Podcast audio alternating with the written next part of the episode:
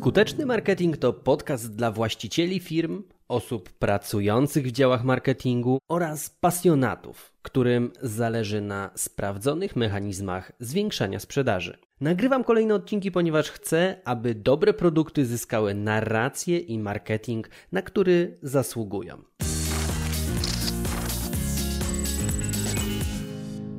Jak sprzedawać radość, czyli sekrety marketingu produktów dla pasjonatów, czyli nie takich produktów, które są pierwszej potrzeby, tylko raczej coś nice to have miło byłoby mieć coś takiego. No i jakbyśmy popatrzyli sobie, to w sprzedaży popularna jest metoda prezentowania produktów od strony problem, rozwiązanie w takim modelu problem, rozwiązanie, który wywodzi się bezpośrednio z metodologii SPIN. No bo klient ma problem, dajemy rozwiązanie i gotowe. Niemal wszystko można byłoby w ten sposób przedstawić, ale niektóre produkty, na przykład kolekcjonerskie, nie do końca do tego modelu pasują. No przykładowo wyobraźmy sobie taki komunikat reklamowy w stylu śmierdzi ci w domu, kup od odświeżacz powietrza. Niby na siłę da się wszystko przedstawić w modelu problem-rozwiązanie, no ale brzmi to jakoś tak okropnie, tak kwadratowo, tak źle. No bo popatrz, są przecież takie produkty, które po prostu umilają czas, wprowadzają dobry nastrój lub rozwijają nasze hobby. Co zrobić w przypadku właśnie takich produktów miłych, hobbystycznych? Tutaj standardowy schemat nie zadziała, a sprzedawać przecież trzeba, bo na tym polega biznes. Nawet pasjo biznes polega na tym, że trzeba sprzedawać. Więc zobaczmy, czy materiał, który właśnie sobie przygotowałem, który właśnie teraz nagrywam, dotyczy także tego, co ty sprzedajesz. No bo w skrócie, mówimy tutaj o produktach, które kupujemy po to, aby miło spędzić czas lub pielęgnować swoje zainteresowania. Mogą to być na przykład jakieś karty kolekcjonerskie, cały obszar sztuki, świeczki zapachowe, gry planszowe, modele do składania, instrumenty muzyczne, wejściówki do muzeów, materiały do rękodzieła, zestawy do malowania lub rysowania, sprzęt do gotowania i pieczenia, sklep z roślinkami, kwiaciarnia, czy też wizyta w restauracji. Spektrum tej oferty jest bardzo szerokie, ale zauważ, że narracyjnie nie rozdrapujemy tu przysłowiowej rany. Nie mówimy o deficytach bądź ubytkach. Można powiedzieć, że wyżej wymienione branże i obszary rozchodzą się pocztą pantoflową i ludzie o nich sobie zwyczajnie opowiadają. Ale konia z rzędem temu, kto będzie w stanie aktywnie wpływać na to, ile osób będzie się o tobie wypowiadało, czy też będzie cię rekomendowało. O ile można wyznaczyć nagrody, czy wręcz tabelkę wynagrodzenia za poszczególne aktywności, to sprawa jest mega złożona. Swoją drogą, ta tabelka aktywności to może być całkiem niezłe narzędzie, jeżeli na przykład organizujesz konferencję i zatrudniasz prelegentów. Ja, będąc prelegentem jednej z topowych konferencji, otrzymałem informację od razu na starcie, po tym jak podpisaliśmy umowę o współpracy, ile zapłacą mi za stories, za post, za mailing czy za zmontowane wideo, które opublikuję w swoich mediach. Po prostu organizator konferencji wiedział, że jako prelegent w swoich zasobach medialnych, w swojej poduszce medialnej mam potencjalnych odbiorców, więc było mu to jak najbardziej na rękę, żebym zareklamował wydarzenie. Więc y, każdy z tych elementów, każda z tych aktywności miała swoją wycenę. Dzięki temu Oprócz wynagrodzenia, które otrzymałem za swoje wystąpienie, zarobiłem tam, już nie pamiętam, ale to było chyba około 2000 zł za promocję. To już jest jakiś pomysł z tą tabelką wynagrodzenia za rekomendacje, za promocję, w szczególności jeżeli właśnie to są prelegenci, jeżeli to jest B2B, jeżeli można to zliczyć fakturami, no to myślę, że super pomysł. Ale zanim to dojdzie do realizacji tego, to trzeba zacząć od fundamentów, czyli tego, jak stworzyć narrację dla produktu lub usługi, która jest czymś więcej niż tylko realizacją funkcjonalnego celu. Prawda jest taka, że gdy ludzie zarabiają więcej, niż wcześniej, to mogą wydawać na rzeczy, które mają mniej funkcjonalny cel. Stąd na przykład zamiłowanie do marek typu Gucci, Louis Vuitton czy Prada. Ale nie trzeba sięgać tak daleko do segmentu produktów i usług premium. No bo weźmy przykładowo teatr, kino, restauracje. Wizyty w tych miejscach kosztują kilkadziesiąt, kilkaset złotych za parę osób. Zazwyczaj chodzimy tam dwójkami. Więc po co tam iść? Ano dlatego, że gdy klienci zaspokoją potrzeby fizjologiczne, bezpieczeństwa i przynależności, dochodzą do potrzeb uznania, samorealizacji zgodnie z koncepcją Maslowa. Można się nie zgadzać lub zgadzać z tą koncepcją, no ale zwróciłem uwagę, że najpierw ludzie korzystają z toalety, a potem na przykład przekazują pieniądze na cele charytatywne, znaczy jakby nie jest jedno nie wynika z drugiego, ale bardziej chodzi o to, że no najpierw musimy załatwić te rzeczy najbliżej dołu, a dopiero później udzielamy się i robimy inne rzeczy. Mam nadzieję, że to zrozumiale przekazałem ten off-top tutaj. No i teraz tak, e, jedni pójdą do restauracji, aby smacznie zjeść danie z kuchni Fusion, a drugim będzie zależało na świetnym zdjęciu na Instagramie. No ale e, trudno myśleć o zdjęciach na Instagramie, gdy jesteśmy głodni, chociaż to też byłoby w kontrze do tego, jak instagramerzy jedzą posiłki. Najczęściej jedzenie, które jedzą instagramerzy jest zimne, no bo najpierw muszą zrobić zdjęcie. Taki tutaj sucharek rzucę. Natomiast co byśmy nie sprzedawali, to musimy wiedzieć, dlaczego ludzie do nas przychodzą, a następnie zbudować narrację,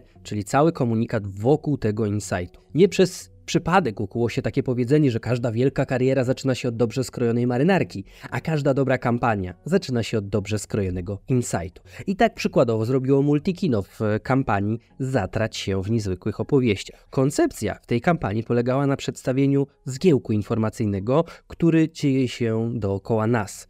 No, trudno się od niego uwolnić. No chyba że wybierzesz się do kina i jak to mówi lektor, zatracisz się w rozrywce na wielkim ekranie. Podobnie jest z teatrem, tylko tutaj target jest jeszcze węższy, no bo i cena biletów jest wyższa, no i też jakby ten wymóg kulturalny co do ludzi, którzy wezmą udział jest wyższy. Jakoś to się dzieje, że widzowie na sali się zbierają.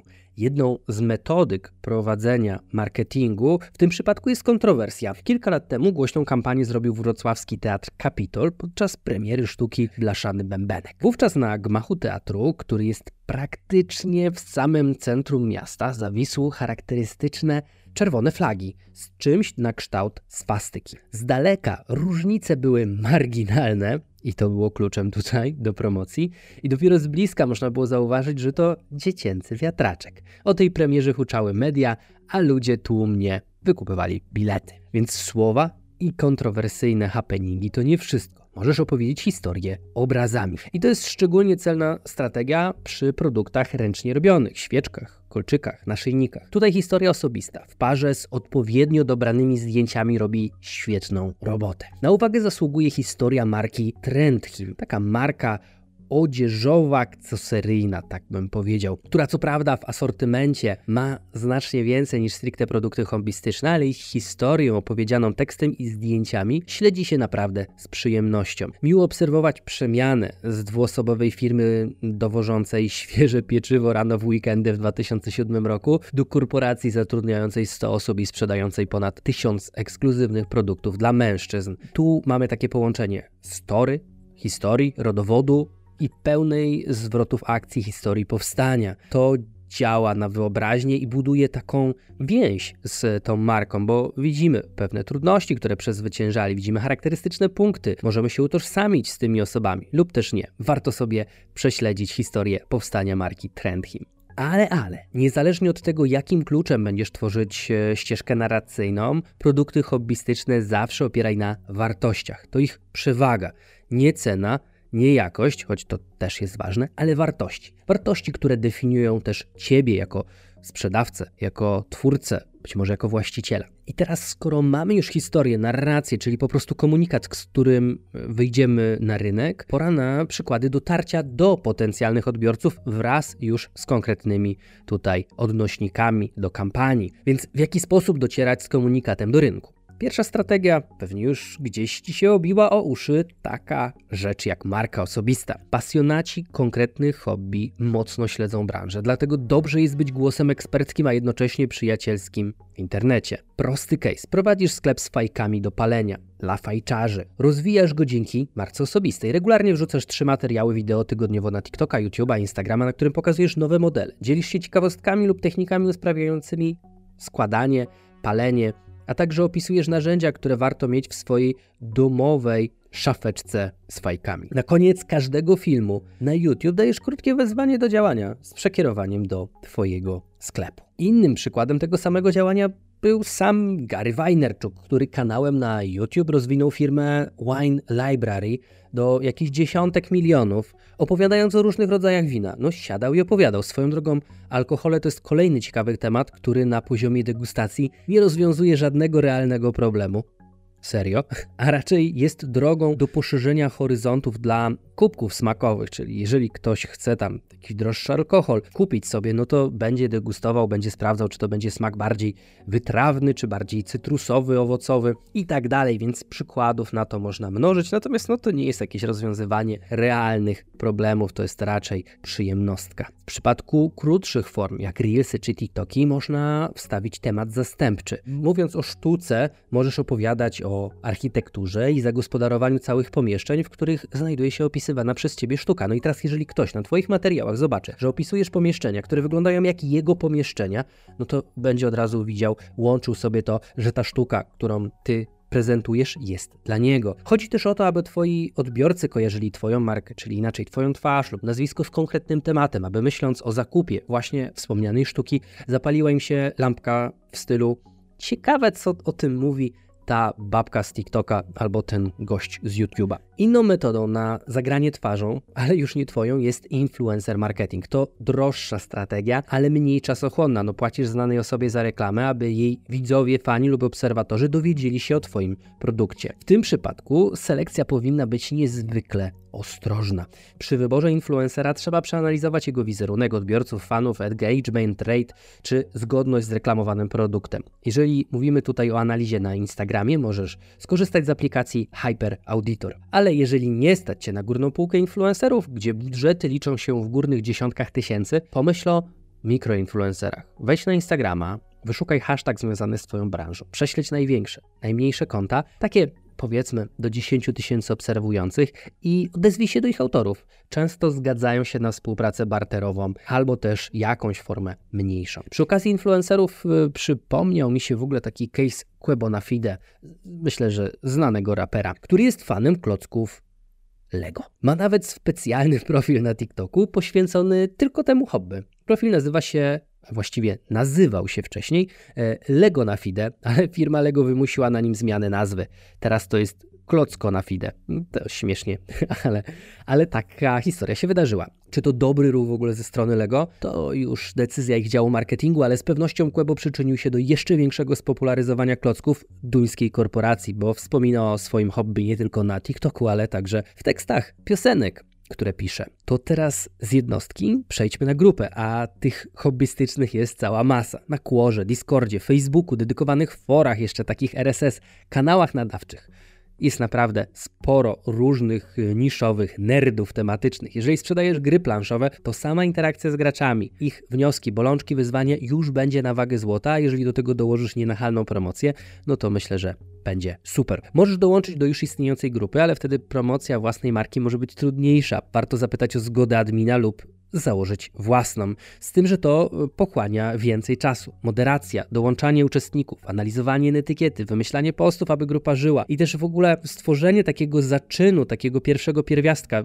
To jest trochę tak, że jak się zakłada taką grupę, to najtrudniej założyć tą inicjalną część, która napędza później całość. To jest naprawdę gros y, roboczo godzin, natomiast w dłuższej perspektywie warto patrzeć na właśnie niesłabnącą popularność już takich rozkręconych grup, które jeżeli będziesz dobrze moderować, to będą działały dla Ciebie przez lata, niosąc Twoją flagę marketingową.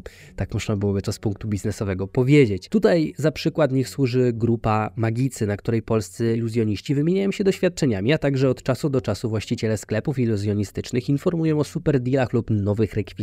Środowisko jest bardzo hermetyczne magików, więc takie reklamy no, nie spotykają się z hejtem, a raczej z aprobatą, jeżeli to jest coś nowego ciekawego. Zmieńmy skalę, bo mamy też bardziej masowe rozwiązania, jak choćby telewizja. Chociaż oczywiście tutaj zabawa jest dużo droższa, na co mogą sobie pozwolić korporacje, na przykład takie jak włoska firma De Agostini, która okresowo wyświetla reklamy telewizyjne zachęcające do składania modeli, czy to Miga, czy też e, DeLorena z powrotu do przyszłości, czy też klasycznych polskich aut z PRL-u. No to to nie rozwiązuje jakiegoś większego problemu. Tutaj wrócę do wątku przewodniego, po prostu jest formą rozrywki, formą hobby. Jak jeszcze można dotrzeć do potencjalnych klientów z wąskiej niszy? Ano, wyszukaj sobie targi, konferencje, eventy tematyczne. Tam znajdziesz pasjonatów. Konferencje dotyczące anime, uniwersum Marvela lub DC czy targi książki na porządku są dziennym organizowane.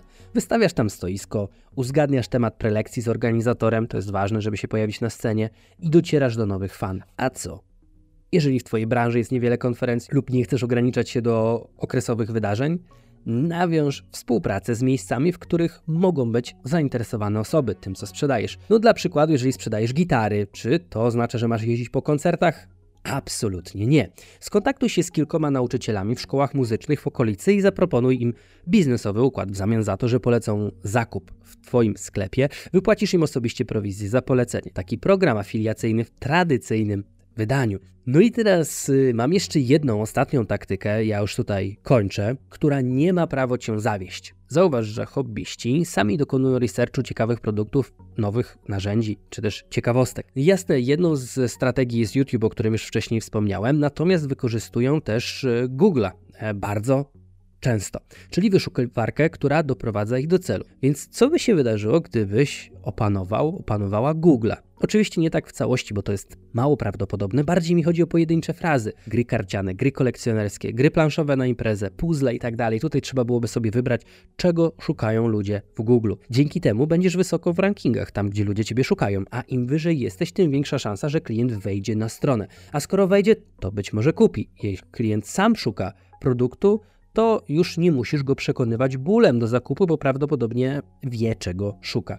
Tutaj idealnie sprawdza się taktyka łącząca SEO z Google Ads i gdzie w branżach specjalistycznych i wąskich, właśnie takich jak te wyżej wymienione, no będzie to idealna odpowiedź na potrzeby klientów. Dzięki niej klienci nie tylko mogą się o tobie dowiedzieć wtedy, kiedy tego potrzebują, ale także uznają, że sami na ciebie wpadli bez nachalnych zaproszeń, bez influencerów, no bo link, nawet płatny w Google, nie jest często utożsamiany z reklamą. No, dla przykładu wpisz w Google karty kolekcjonerskie. To nie jest przypadek naprawdę, że na szczycie wyskakuje Panini, światowy lider w produkcji kart i naklejek. A troszkę niżej jest Hold'em Shop. Zakładam, że o nim nie słyszałeś. Zapewne nie ma takiego budżetu jak Panini, a web w web konkurują właśnie w SEO. Mam nadzieję, że już widzisz, jak możesz to wykorzystać. A może masz własny w ogóle pomysł na marketing produktu hobbystycznego? Chcesz coś tutaj dodać? Warto, żeby się pojawić ten jeden jeszcze punkt od Ciebie, napisz do mnie przez social media, najlepiej na Instagramie, a dogadamy się, jak moglibyśmy rozszerzyć ten artykuł i też pokazać Ciebie w nim. Liczę na to, że po wysłuchaniu tego odcinka rozszerzy się Twój sposób patrzenia na marketing. Tymczasem słuchaj, wdrażaj i zarabiaj. Ja trzymam za Ciebie kciuki.